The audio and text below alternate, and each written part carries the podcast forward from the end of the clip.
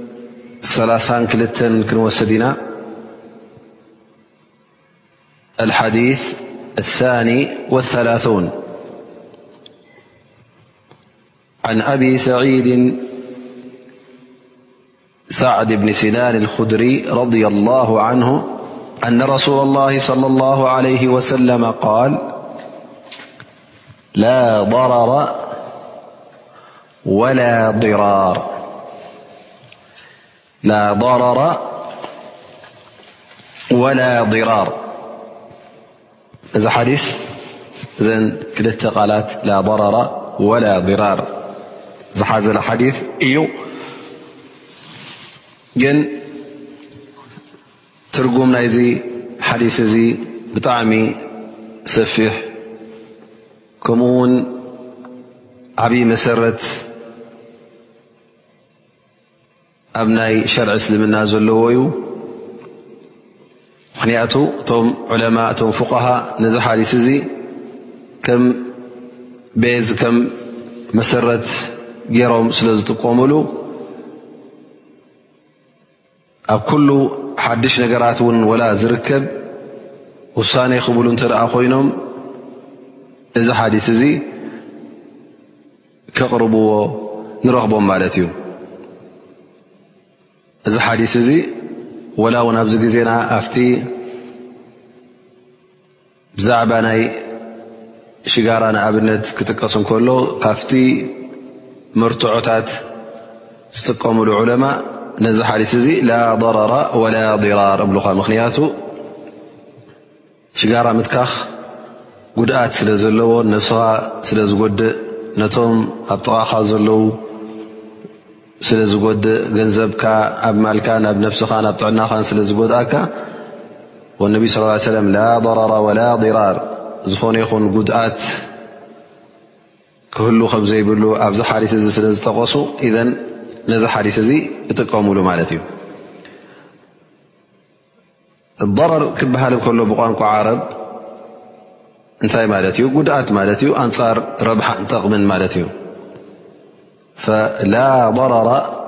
ክብሉ ከለዉ ነቢ ስ ሰለም ማለት ዝኾነ ይኹን ወዲ ሰብ ንሓዉ ክጎድእ ከምዘይብሉ እዚ ጉድኣት እዚ ወይ ጠቕሚ እንተ ነይሩ ካብ ጥቕሚ ከትርፎ ኢሉ ጉድኣት ከውድቀሉ እንከሎ ወይ ኣብ ነብሱ ኮይኑ ኣብ ማሉ ኮይኑ ኣብ ገለ ናቱ ዘበለ እተ ጎዲእዎ እዚ ضረር ይበሃል። ዲራር እብሉ ዑለማእ ነዚ ዲራር ክብሉ ከለዉ ድማ ነነፍሕትካ ንኽትጎድእ ክትፍትን ከለኻ እዚ ካባኻን ካብቲ ኣንጻርካ ዘሎ እሱ ክጎድእካ እስኻ ክትጎድኦ ክትሓስብ ከለኻ እዚ ንገዛእ ርእሱ እውን ዲራር ይበሃል ይብሉ ወይ እውን ክልቲኡ እውን ሓደ ትርጉም ኣለዎ ብ ቋንቋ ዓረብ ክልቲኡ ጉድኣት ማለት እዩ ኣንጻር ጠቕምን ኣንጻር ረብሓን ይብሉ ማለት እዩ እዘን ገለ ዑለማእ ላ ضረራ ወላ ضራር እታ ቀዳመይትን እታ ካልእትን ኩለን ሓደ ትርጉም ዝሃብዎን ኣለዉ ዘይፈላለዩ ኣለዉ ማለት እዩ ሓደ ትርጉም እየን ዝባ ጥራይታ ካልእቲ ንመረጋገፂት እያ እነቢ ስለ ላ ሰለም ተቂሶማ ዘለዉ ይብሉ ገሊኦም ግን ከምቲ ዝጠቐስናዮ እቲ ضረር ቀዳማይ ብሓደ ሸነኽ ጥራይ ነቲ ሓዉኻ ምጉዳእ ክኸውን ከሎ ዲራር ግን ነናድሕትካ ከትጓዳእ ክትሓስብ ከለኻ እዚ እዩ ይብሉ ማለት እዩ እዚ ሓዲስ እዚ ብሓፈሽኡ ዝኾነ ይኹን ኣስላማይ ብኣላ ስብሓን ወተላ ዝኣምን ነዚ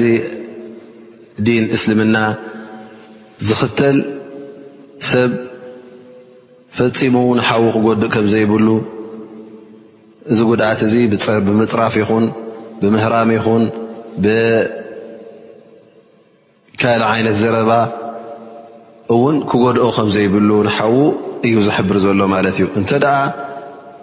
እዚ ሓዉካ እዚ ብዝበዲሉካ እንተ ኮይኑ እውን እንተተበዲልካ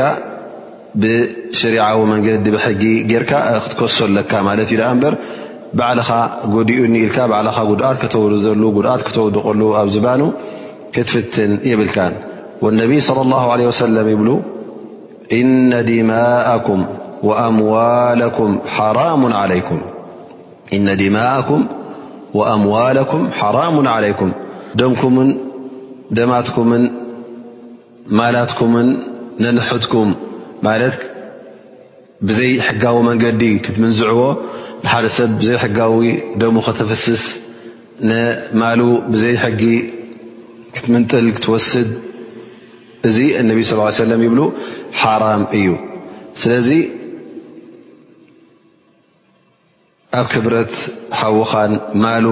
ነፍሱን ኣካላቱን ኩሉ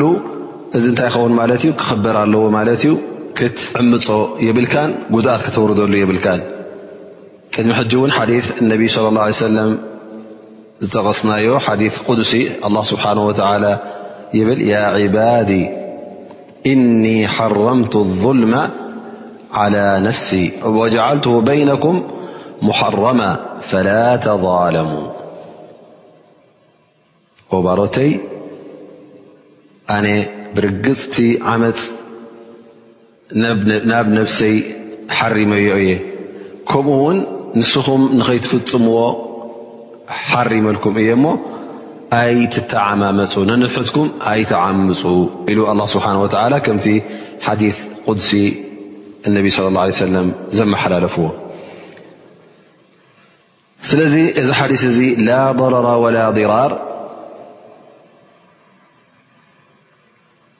ኩሉ ጉድኣት ዘቡኡ ይነጽግ ማለት እዩ ኩሉ ጉድኣት ዘቡኡ ኣብዚ ሸርዒ እስልምና ጉድኣት ዘቡኡ ከም ዘየለ ነዚ ጉድኣት እዚ ዝነጽግ ማለት እዩ ቀዳማይ ሸነኽ ኣብቲ ዒባዳ እትገብሮ ማለት ኣብቲ ኣላ ስብሓን ወተዓላ ዝሸርዓልካ ጉዳይ ዒባዳ እንተ ደኣ ርኢኻ ኣምልኾት ንኣላ ስብሓን ወተላ እትገብሮ ኣብኡ እውን ኣላ ስብሓን ወተላ ጉድኣት ዘለዎ ዕባዳ ኣይኣዘዘናን እንተ ደኣ ብሰንኪ ሓደ ዓይነት ዕባዳ እውን ኣብ ኣካላትና ኣብ ነብስና ኣብ ማልና ጉድኣት ዝወርድ እንተ ደኣ ኮይኑ ኣላ ስብሓን ወተላ እቲ ጉዳይ ኣፋኺሱልና እዩ ንኣብነት ኣላ ስብሓን ወተላ ክንሰግድ እንተ ደኣ ኮይንና ጸሪና ብማይ ውዱእ ጌርና ክንሰግድ ተኣዚዝና ግን እንተ ውዱእ ጌርካ ንክትሰግድ ዝጎድኣካ እንተ ኮይኑ ሕማም ብሰንኪ ሕማም ወይ ቁሪ ሓያል ቁሪ እተ ኣሎ ኮይኑ እሞ ውዱእ ክትገብር እተዘይከኣልካ ኣብ ክፉት ቦታ ኣለካ እሞ እተ ውዱእ ጌርካ ላስከድክመካን ክሕመካን እተ ዘስግኣካ ኮይኑ ወላ ውን ጀናባ እተ ነሩካ ነብስኻ ንክትሕፀብ ትእዘዝ ኢኻ ግን እንተ ቁሩ ኮይኑ ናብ ተየሙም ትሓልፍ እተ ሕማም ኣለካ ኮይኑ ቁስሊ ኣለካ ሞማይ እተ ኣፍሲስካሉ ክጎድእካ ስለ ዝኽእል ቁስልኻ ዝያዳ ክብሽቅጥ ወይከዓ ብዝያዳ ከቆንዝወካ ወይከዓ ትምሕዋዩ ክደናጎ ስለዝኽእል ብሰንኪ ማይ ምፍሳስካ ናብ ምንታይ ትሓልፍ ናብ ተየሙም ትሓልፍ ናብ ሓመድ ተየሙም ጌርካ ጠሃራኻ ትገብር ማለት እዩ ከምኡ ውን ሰላት እተ ደው ኢልካ ክትሰግድ ኣለካ እተ ግን ደው ኢልካ ክትሰግድ ዘይትኽእል እ ኮይ ከምኡ ብሰንኪ ናይ እርጋን ኮይኑ ብሰንኪ ሕማም ኮይኑ ብሰንኪ ዝኾነ ይኹን ዓይነት ሽግር ኮይኑ ኮፍ ኢልካ ንክትሰግድ ኣላ ስብሓን ወተላ ኣፍቂዱልካ ማለት እዩ እተ ኮፍ ኢልካ ዘይከኣልካ ውን ወላ ብጎቦ ኮንካ ወላ ውን ኣብ ዓራት ኮይንካ ክትሰግድ ኣላ ስብሓን ወተላ ኣፍቂዱልካ ጾም እንተ ርእና እውን መገሻ ኩሉ ግዜ ድኻም ስለ ዘሎ ኣብ መገሻ ጾም ኣላ ስብሓን ወተላ ኣዕሪፍካ ኣብቲ ካብ መገሻ ደው ትብለሉ እዋን እተን ዘፍጠርካያን ክትቀድየን ኣላ ስብሓን ወተላ ኣዚዙ እዘን ኣብቲ ዕባዳ ንገዛ ርእሱ ኣብቲ ኣላ ስብሓን ወላ ዝሸርዖን ዝኣዘዞን ጉድኣት ዝበሃል ኣይንረክብን ኢና። ከምኡ ውን ኣብቲ ጉዳይ ናይ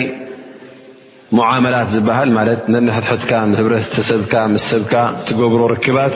ናይ መርዓን ናይ ሞትን ኮይኑ ወላይ ከዓ ካልእ ዓይነት ርክባት ናይ ምሽቃጥ ማለት ምግዛእ ምሻጥ ናይ ንግዲ ኮይኑ እቲ መነባብሮኻ ከም ወዲ ሰብ መጠን ብዙሕ ነገራት እዩ ዘድልየካ ስለዚ ኣብዚ ጉዳይ እዚ እውን ኣላ ስብሓን ወተላ ጉድኣት ኣይገበረልናን እንተኾነ እቲ ጉድኣት ክንሪኦ እንተደኣ ኮይና ክልተ ሸነኽ ኣለዎ ወይ ክልተ ገፅ ኣለዎ ሓደ ገፁ የኩን ይብሉ እንተ ሓደ ሰብ ንሓዉ ክጎድእ ከሎ ሱቕ ኢሉ ጥቕሚ ዘይብሉ ረብሓ ዘይብሉ ከሎ ጥራይ ንክጎድእ ኢሉ ንምጉዳእ ኢሉ ጥራይ ዝፍፅሞ ጉድኣት ማለት እዩ እዚ ሕጂ ንገዛእ ርእሱ ዓብ ሓራም ይኸውን ማለት እዩ እቲ ዝኸፍአ ማለት እዩ ምክንያቱ ጥቕሚ ዘይብሉ ከሎ ንሓዉ ጥራይ ንኽጎድኦ ከመይ ገይሩ ጉድኣት ጥራይ ይወርዶ ኢሉ ብምሕሳቡ እሞ ኸዓ ክጎድኦ ከሎ እዚ ዓብዪ ዘንቢ ኮይኑ ይቁፀር ማለት እዩ እቲ ዝኸፍአን ዝበእሰን ዘንቢ ይኸውን ካልኣይ ምጉዳእ ድማ እንታይ ኣሎ እንተ ነዚ ሓውኻ እዚ ክትጎድእ ከለኻ ምናልባሽ እቲ ትገብሮ ዘለኻ ተግባር ንዓኻ ጥቕሚ ኣለዎ ኸውን ወይ ከዓ ብሸርዒ ነዚ ነገር እዚ ንክትገብሮ ይፍቀደካ እዩ ግን ኣብዚ ነገር እዚ ተፈቒዱ እኳ እንከሎ ንኻልእ ጉድኣት ተውርደሉ እንተ ደኣ ኮንካ እዚ ጉድኣት እዚ እውን ብዓይኒ ሸርዒ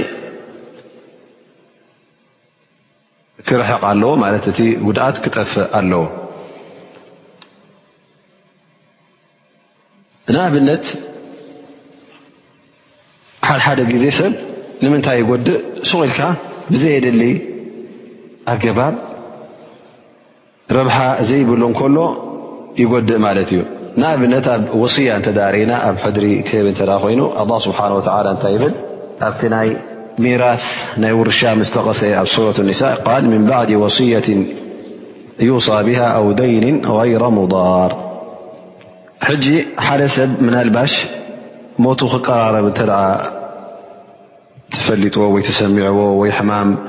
እንተ በርቲዕዎ ገለ ሰባት እንታይ ይገብሩ ካብቲ ማሎም ነቶም ወረስቲ ከየፍቀደ ባዕሉ ንሓደ ካብቶም ወረስቲ ዝያዳ ንክወሃብ ሕድሪ ይገድፍ እዚ ሕጂ ንሱ ዝጥቀሞ ነገር የብሉን ግን ገንዘቡ ስለ ዝኾነ ሕጂ በቲ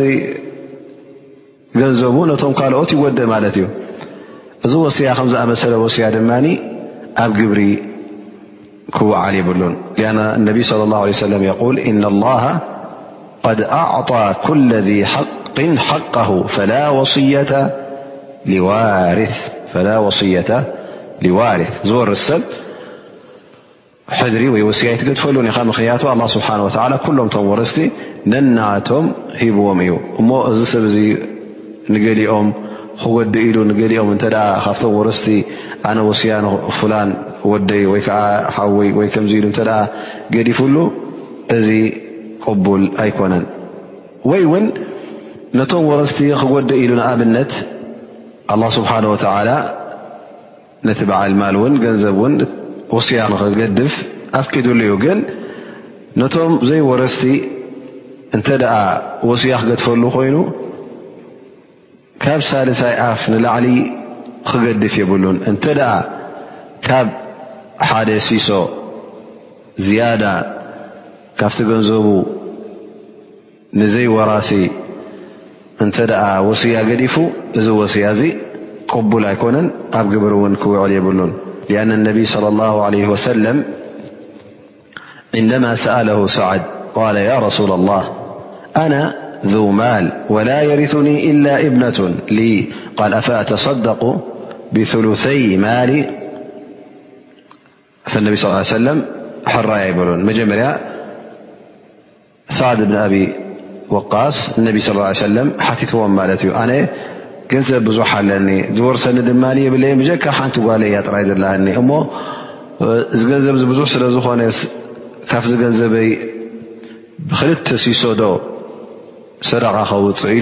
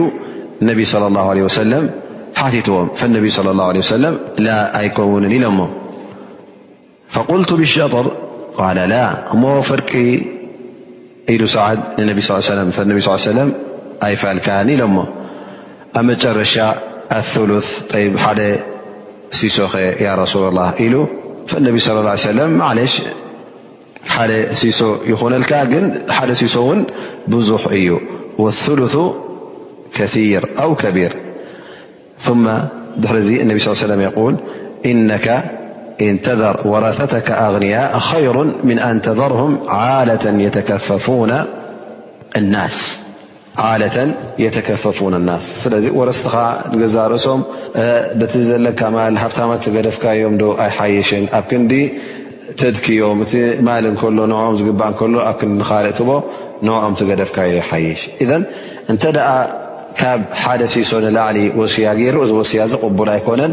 ትሩፍ ይኸውን ማለት እዩ ኣብ ግብሪ እውን ኣይውዕልን እዩ እንተ ሓደ ሲሶ ጥራይ ኮይኑ እዚ ሕጂ ፍቁድ ይኸውን ግን እንተ ንያ ናቱ እዚ መዋቲ ንያ ናቱ ነቶም ወረስቲ ንክጎድእ ኢሉ እንተ ኮይኑ በዚ ሓደ ሲሶ ንካልእ ሰብ ሂብዎ ወስያ ሕድሪ ገዲፉ እዚ ወስያ እዚ ካብቲ ዝፍቀደሉ ስለ ዝኾነ ኣብ ግብሪ ይውዕል ግን ኣብ ቅድሚ ኣላ ስብሓን ወተዓላ እዚ ሰብ እዚ ዓብዪ ገበን እዩ ገይሩ ዘሎ ንኣኑ ነቶም ወረሲ ስለ ዝወፅዐ ንያናቱ ድማ ሕማቕ ክፉእ ስለ ዝነበረ ዘንቢ ኣለዎ ማለት እዩ የእተም ብዛሊክ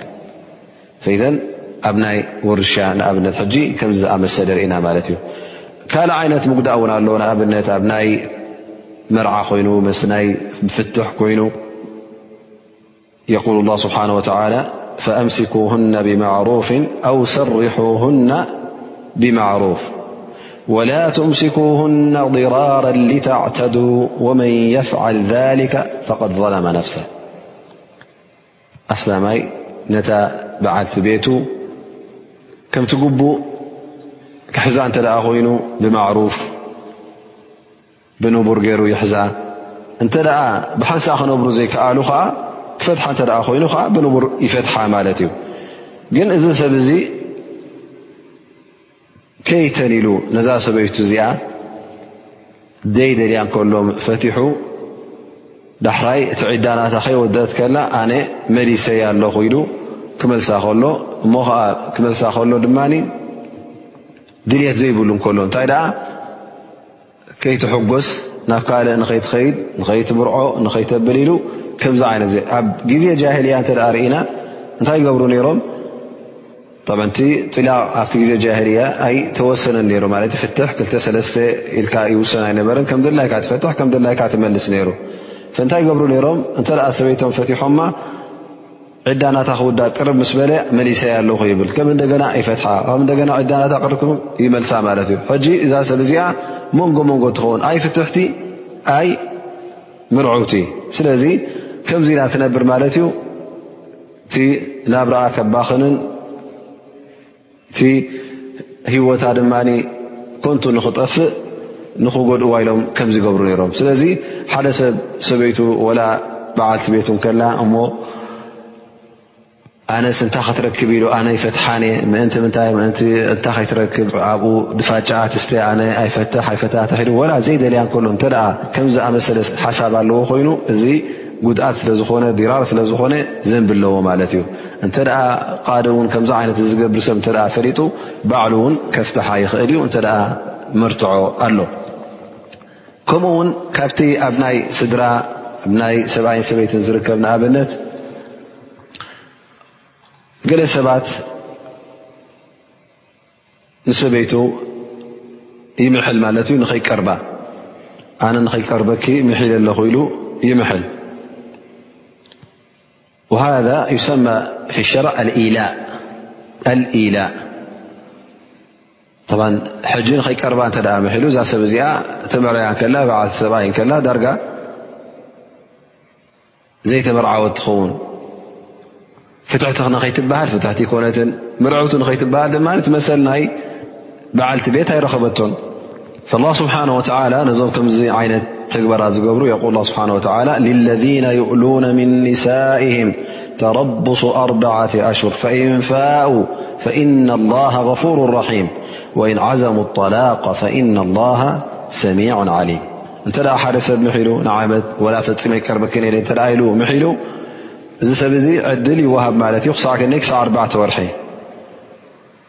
ድሕሪ ኣርባዕተ ወርሒ ወይ ናብ ሰበይቱ ይምለስ ማለት እዩ ክምለስ ከሎ ከዓ ናይቲ ዝመሓሎ ከፋራ ይገብር ማለት እዩ ከፋራ ናይቲ ዝመሓሎ እውን ይኸፍል ይከፍር ዓን የሚኒ ናይ ማሓላ እንተ ኣብዩ ድማ ክምለስ ኣይምለስን እየ እተ ኢሉ እዛ ሰበይቱ እዚኣ ትፍታሕ ማለት እዩ ስለዚ ካብ ኣርባዕተ ወርሒ ላዕሊ ኣይትፅበዮን እያ ቀደም ኣብ ግዜ ጃህልያ ከምዚ ገይሮም ነተን ኣንስቶም ንዓመት ንክልተ ዓመት ፈፂምናይ ንቐርበክና ምሒልና ኣይና ይብልዎን ማለት እዩ እዛ ሰብ እዚኣ ሕጂ ላንጋ ላንጋ ተርፍ በዓልቲ ሰብኣይ ተባሂላ መሰል በዓልቲ ቤት ኣይረኸበት ፍትሕቲ ተባሂላ ኣብ ካልእ ክትምርዖይ ትኽእል ኣብኡ ከላ እላንጋላንጋ ትተርፍ እዚ ድማ ምንቲ ምንታይ ነይሩ ንዓ ንክጎድዋ ኢሎም ስለ ዝሓሰቡ ማለት እዩ እዚ ነው ምን ኣዲራር ማለት እዩ እዓይነት እዚ ጉድኣት ክጠፍእ ከም ዘለዎ ኣብ ሸርዒ እስልምና ሕጂ ርኢናዮ ከመይ ገይሩ እውን ከም ዘጥፍኦ ማለት እዩ ስለዚ ትዕድል ተዋህቦ ንርባዕተ ወርሒ ኮይኑ ማለት እዩ ካብኡ ንላዕሊ ግን ወይ ናብ ሰበይቱ ይምለስ ወይ እውን ይፈትሕ ማለት እዩ እንተ ደኣ ከምኡ ውን ኣብ ናይ ምጥባው ኣብ ናይ ረضዓ እንተ ሰብኣይን ሰበይትን ተፋቲሖም እሞ ኸዓ ቆልዓ እንተ ነይሩ ኮይኑ እዚ ቆልዓ እዚ ከምቲ ግቡእ እታ ኣዲኡ ነዚ ቆልዓ ምጥባው እተ ዘድሉ ኮይኑ እንታይ ከይረክብ ባዕሉ ፈልጥ እዚ ኣቦ ስኳ ጠሊቑ ንዘሎ ፈትሐ ሌላ ን ፅሊኣ ነቲ ቆልዓ ክትጎድእ የብላን ከምኡ ውን ንሱ ንክጎድኣ ኢሉ ነቲ ቆልዓ ካሕድጋ የብሉን قال الله سبحانه وتعالى لا تضار والدة بولدها ولا مولود له بولده كلهم ت خقا يبلا ولادنا يبلن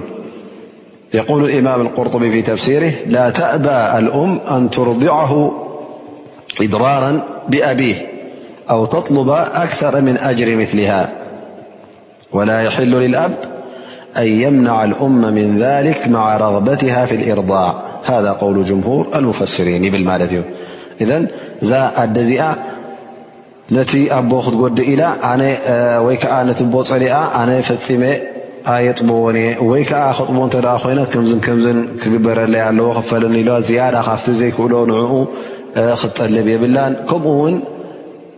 እትቦ ነደ ክኽልክላ የብሉን ንወዳ እተ ከተጥቡ ደልያ እተ ድልት ኣለዋ ኮይኑ ይብል ይብል ማለት እዩ ቶም ሙፈስሪን ኣብዚ ሕጂ እውን ርኢና ማለት እዩ ኣብቲ መሻጥን ምልዋጥን ክኸውን ከሎ ኣላ ስብሓን ወተላ ኣብቲ ሸርዒ እስልምና ጉድኣት ክርከብ ከምዘይብሉ ንንሕልትካ ክትጓዳእ ከምዘይብልካ ኣላ ስብሓን ወተላ ኣብቲ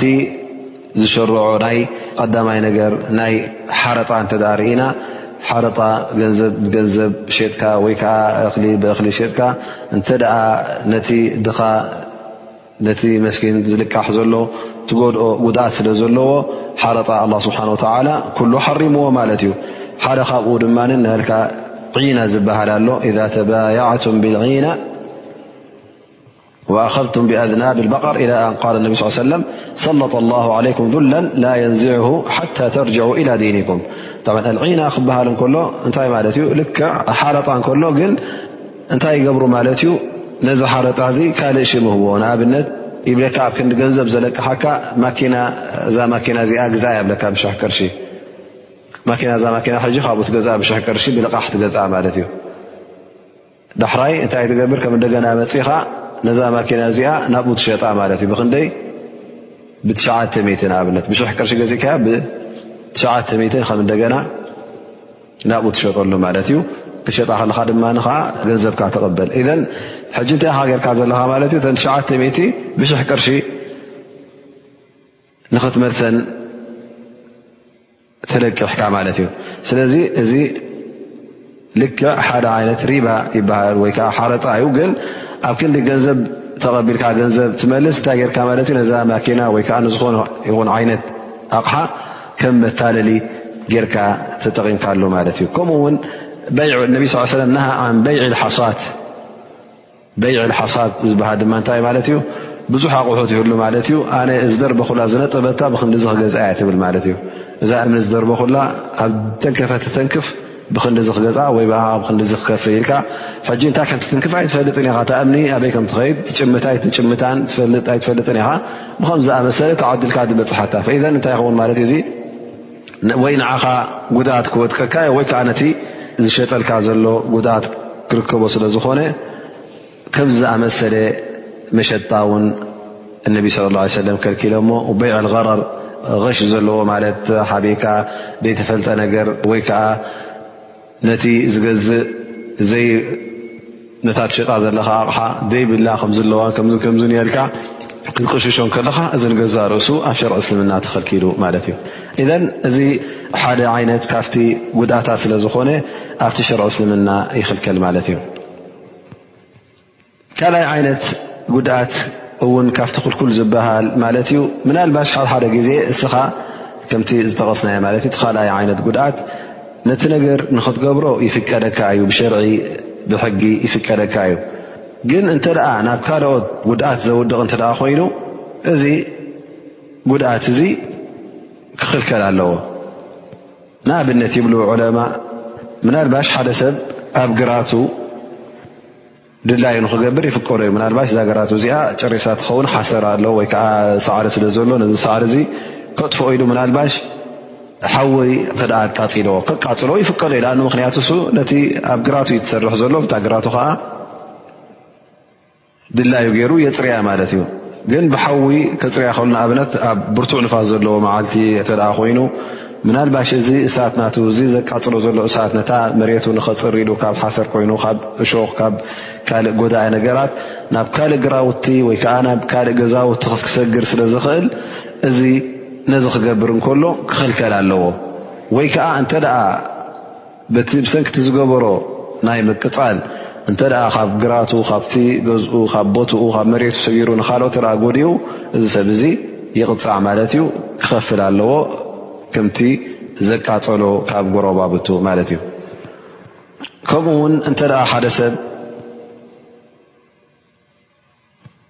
ዒላ ኩዒቱ እሞ ብሰንኪ እዛ ዝወኸዓት ዒላ ነቶም ናይ ጎረባብቱ ዒላታት ዝነበረ እንተ ስሒቡ እዚ ሕጂ ዋላ እውን ኣብ መሬቱ ኣ ይኹዓት ዳኣ እምበር ነቶም ዝቐደሙ ነቶም ጎረባብቱ ብሰንኪ ዝኹዓቶ ስለ ዘቀፀሎም እዚ ሕጂ ከምኡ እውን ክኽልከል ኣለዎ ይብሉ ምኽንያቱ ጉድኣት ስለ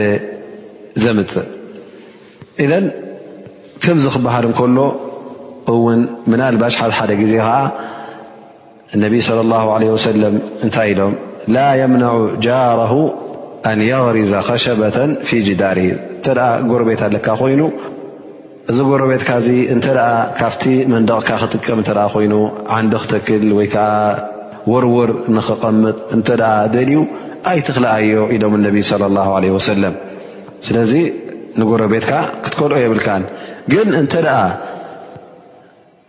እዚ ወርወር እዚ እንተ እቲ መንደቕካ ክስከሞ ዘይክእል እተ ኮይኑ እሞ ከዓ ብሰንኩ ክፈርስ እተ ኮይኑ ኣብዚ ሰዓት እዚ ክተክልኩሎ ይፍቀደካ ማለት እዩ ምክንያቱ ጉድኣት ስለ ዘምፃልካ ስለዚ ከምዚ ዝኣመሰለ ጉድኣት ይክልከል ወላ እውን ይፍቀደካ እተ ኮይኑ ግን ጉድኣቱ ናብ ካልኦት ኣሕዋትካ ዝሰግር ስለዝኮነ ከምቲ ግቡእ ክትክልከል ኣለካ ማለት እዩ እዛ ሓዲት እዚኣ ከምቲ ዝበልናዮ ዓብዪ መሰረት ናይቲ ዕልመ ፍቅ ማለት እሱል ፍቅ ካብቲ ቀንድታት ፍቕሂ ናይ ሸርዒ እስልምና ሕግታት ዓባይ መሰረት እያ እዛ ሓዲስ እዚኣ ስለዚ ዕለማ ኣብ ብዙሕ ጨንፈራት መቓቒሎማ እዮም ላ ضረራ ወላ ዲራር ምስ ተባህለ ንኣብነት ሓደ ሰብ እንተ ደኣ ማልካ ኣበላሽዩልካ መንደቕካ እንተ ኣፍሪሱልካ ንኣብነት ንበል መንደቕ ኣፍሪሱልካ ወይ ከዓ ማኪናኻ እንተ ሴሩልካ ወይ እውን ከምዝኣመሰ እተ ገይሩካ እንታይ ኻ ስኻ ሕጂ ምፅኢልካ ማኪንኡ ዲኻ ትሰብር ወይስ መንደቑ ተፍርስ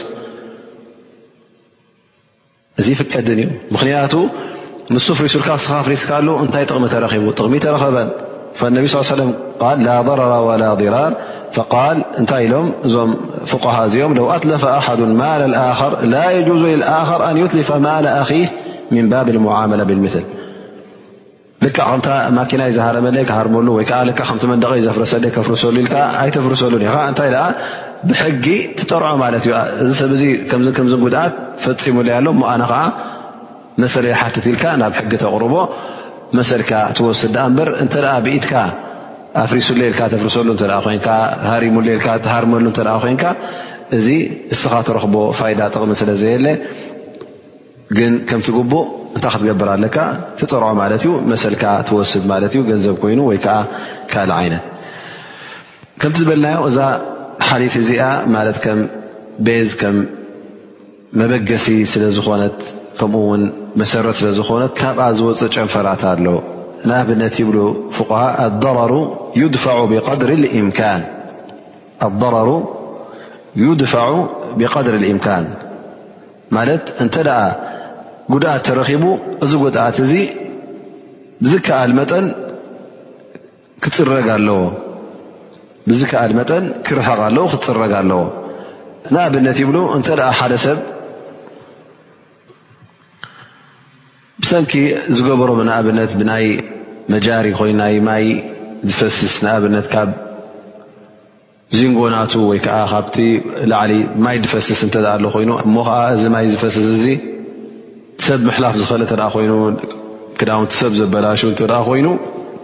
እዚ ገይርዎ ዘሎ መንቆርቆር መፍሰስ ማይ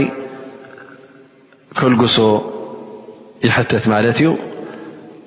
ምኽንያቱ ጉድኣት ስለ ዘምፅእ። ስለዚ እዚ ጉድኣት እዚ ብዝከኣል መጠን ይርሓቕ ማለት እዩ። ማለት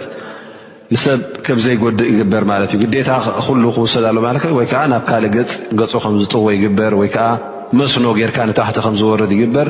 ሰብ ከም ዘይጎድእ ይግበር ማለት እዩ። ስለዚ ካልይቲ ቃዒዳ ውን ካይቲ ጨንፈር ካብ ናይዚ መሰረት እዚ ኣضረሩ ዩዛል ይብሉ ዝኾነ ይኹን ጉድኣት ክፅረግ ኣለዎ ክረሕቕ ኣለዎ ላኪን ኣضረሩ ከሊክ ላ ዩዛሉ ብምስሊ ይብሎ ዝኾነ ይኹን ጉድኣት ዝወርድ እውን ክተልግሶ ከለኻ ክትፀርጎ ከለኻ ብከምኡ ጉድኣት ኣይትትክኦን ኢኻ እዚ ኣብቲ ሸርዒ እስልምና ማለት እዩ ዝኾነ ይኹን ጉድኣት እንተ ተረኺቡ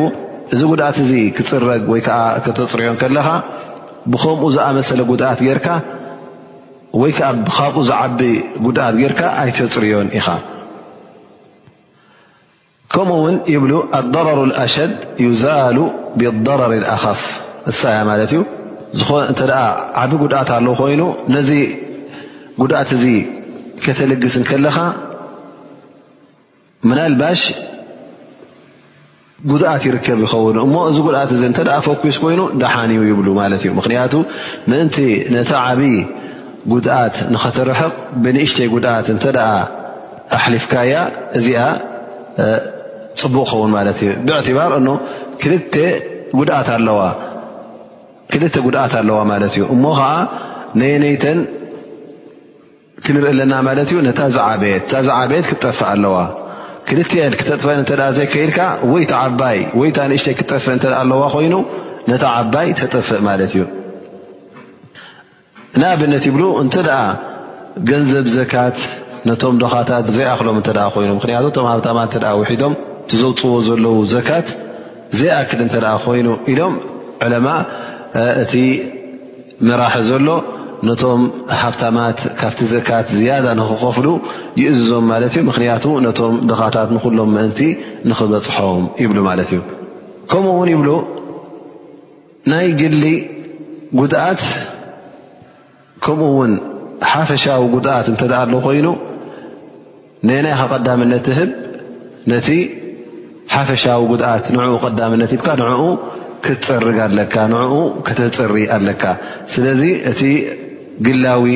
ውልቃዊ ጉድኣት ንኡ ተሰኪምካ ነቲ ሓፈሻዊ ጉድኣት ንዕኡ ትፀርግ ነዚ ክምስልሉ ወይ ከዓ ኣብነት ክቕርብሉ ከለዉ እንታይ ይብሉ እንተ ደኣ ገለ ካብቶም ነጋዶ ዝቐመጥዎ ኣቕሓታት ነይሩ ኮይኑ እሞ ከዓ ብኽቡር ክሸጥዎ እንተ ጀሚሮም እሞ ከዓ ንህዝቢ ንኩሉ ብሓፈሽኡ በቲ ትሃብዎ ዋጋ እንተ ጉድኣት ይወርድ ኣሎ ኮይኑ ብዘየገድስ እዞም ውሑዳት ሃብታማት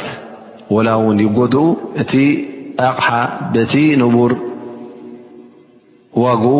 ንኽሽየጥ ይእዝዝ ማለት እዩ ማለት መን እቲ መራሒ ዓዲ ዘሎ ብከምዚ ዓይነት ይእዝዝ ምክንያቱ እዞም ሃብታማት ወይ ከዓ እዞም ነጋዶ እዚኦም ውሑዳት እዮም እቲ ጉድኣት ኣብ መን እዩ ተረኪቡ ዘሎ ሕጂ ኣብቲ ሓፋሽ ህዝቢ ማለት እዩ ስለዚ ቀዳምነት ነቲ ናይ ሓፋሽ ህዝቢ ናይቲ ብዙሕ ህዝቢ ንዕኡ ርኢኻ ነቶም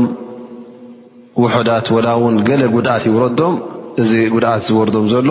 እንታይ ክኸውን ይኽእል ማለት እዩ ክትስከሞ ክስከም ይኽእል ማለት እዩ ምኽንያቱ ቀዳምነት ንምንታይ ሂብና ማለት እዩ ንረብሓ ናይ ሓፋሽ ናይቶም ብዙሓት ሂብና ማለት እዩ ከምኡ ውን እንተ ክልተ ሓደ ጉድኣት በዚ ድማ ጠቕሚ ኣሎ ኮይኑ ማለት ረብሓን ጉድኣትን እንተ